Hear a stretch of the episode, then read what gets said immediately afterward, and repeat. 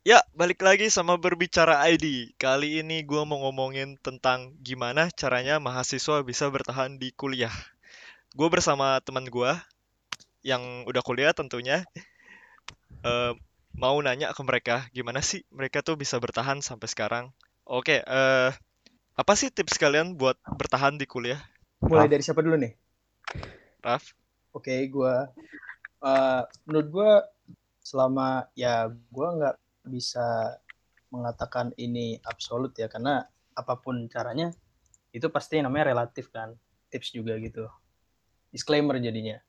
Jadi dan gue juga baru setahun kuliah gitu kan baru bisa dibilang lepas dari gelar maba. Wah. Jadi menurut gue tips survive buat kuliah adalah ikutin aja dulu alurnya. Lu pelajarin eh, apa namanya semacam gimana sih dalam tanda kutip eh, aturan mainnya si kampus ini di mana pun lu berada. Nah terus habis itu mulailah cari banyak relasi banyak banyakin teman. Nah biasanya kan kalau misalkan lu kuliah kan awalnya ospek. Nah dari ospek itu lu kan banyak dapat kenalan tuh sangkatan kan.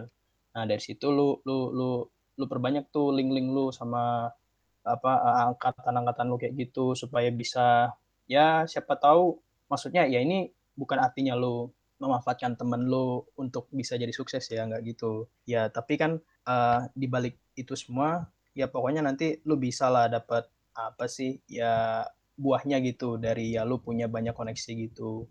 Nah habis itu uh, ikut-ikut ini apa namanya uh, uh, kalau misalkan itu dari non akademik ya gue ngomongin itu baik itu dari non akademik atau akademik. Nah kalau misalkan untuk akademik sendiri sih eh, ini nggak apa-apa ya gue kasih dua tips ya antara akademik sama non akademik ya Nggak apa-apa, bagus bagus. oke okay, uh -uh.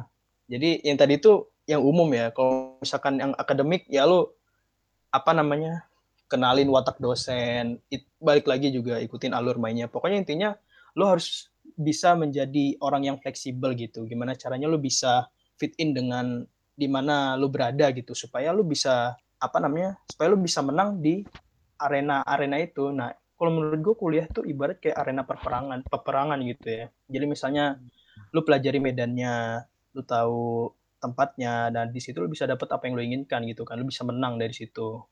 Kayak itu dari akademik. Nah kalau uh, kalau terus juga uh, banyak-banyakin tuh yang namanya uh, apa sih ikut-ikut lomba gitu. Banyak-banyakin juga teman.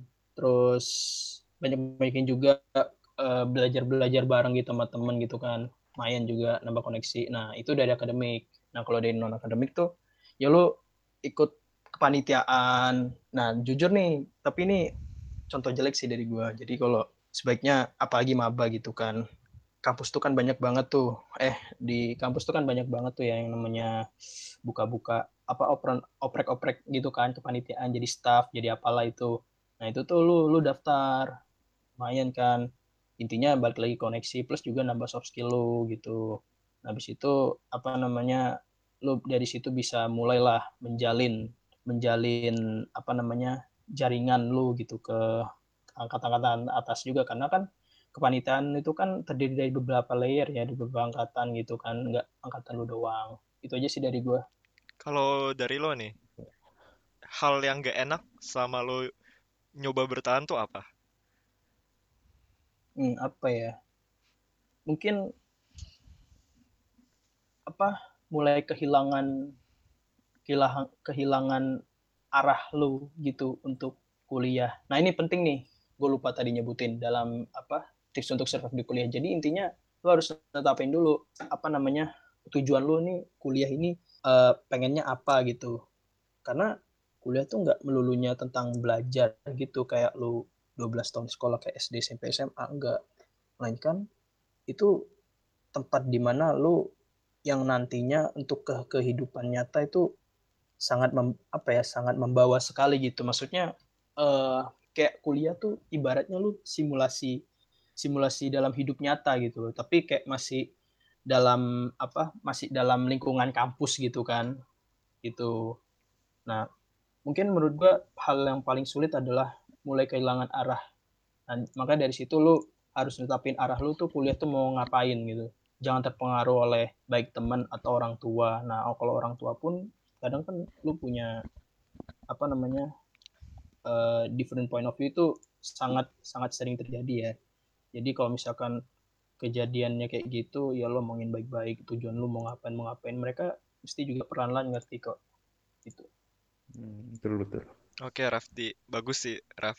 Gimana kalau dari lo no Uh, kalau dari gue sendiri sih setuju sih sama kata si Rafdi. Eh, yang dari awal tadi kalau mau survive sebagai mahasiswa baru di kampus itu yang pertama kita harus cari relasi. Kan pada dasarnya ini manusia kan ini kan uh, makhluk sosial. Tidak terlepas dari orang lain gitu di ke depannya nggak mungkin sendiri. Nggak mungkin dia ngapa-ngapain itu selalu sendiri gitu. Pasti juga butuh yang namanya orang lain.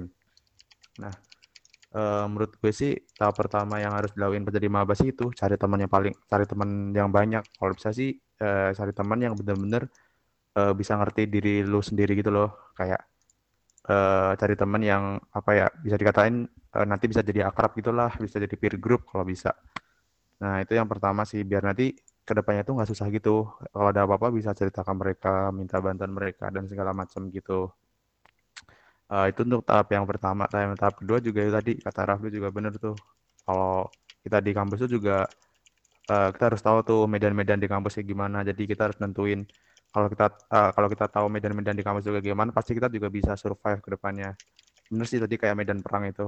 Nah contohnya untuk kita mengetahui medannya yaitu kita cari relasi. Kalau relasi kita banyak kita jadi tahu nih kalau punya masalah bisa tanya-tanya mereka gitu kan cara ngatasi masalah gimana. Jadi jadi nggak uh, solve problem secara individual gitu.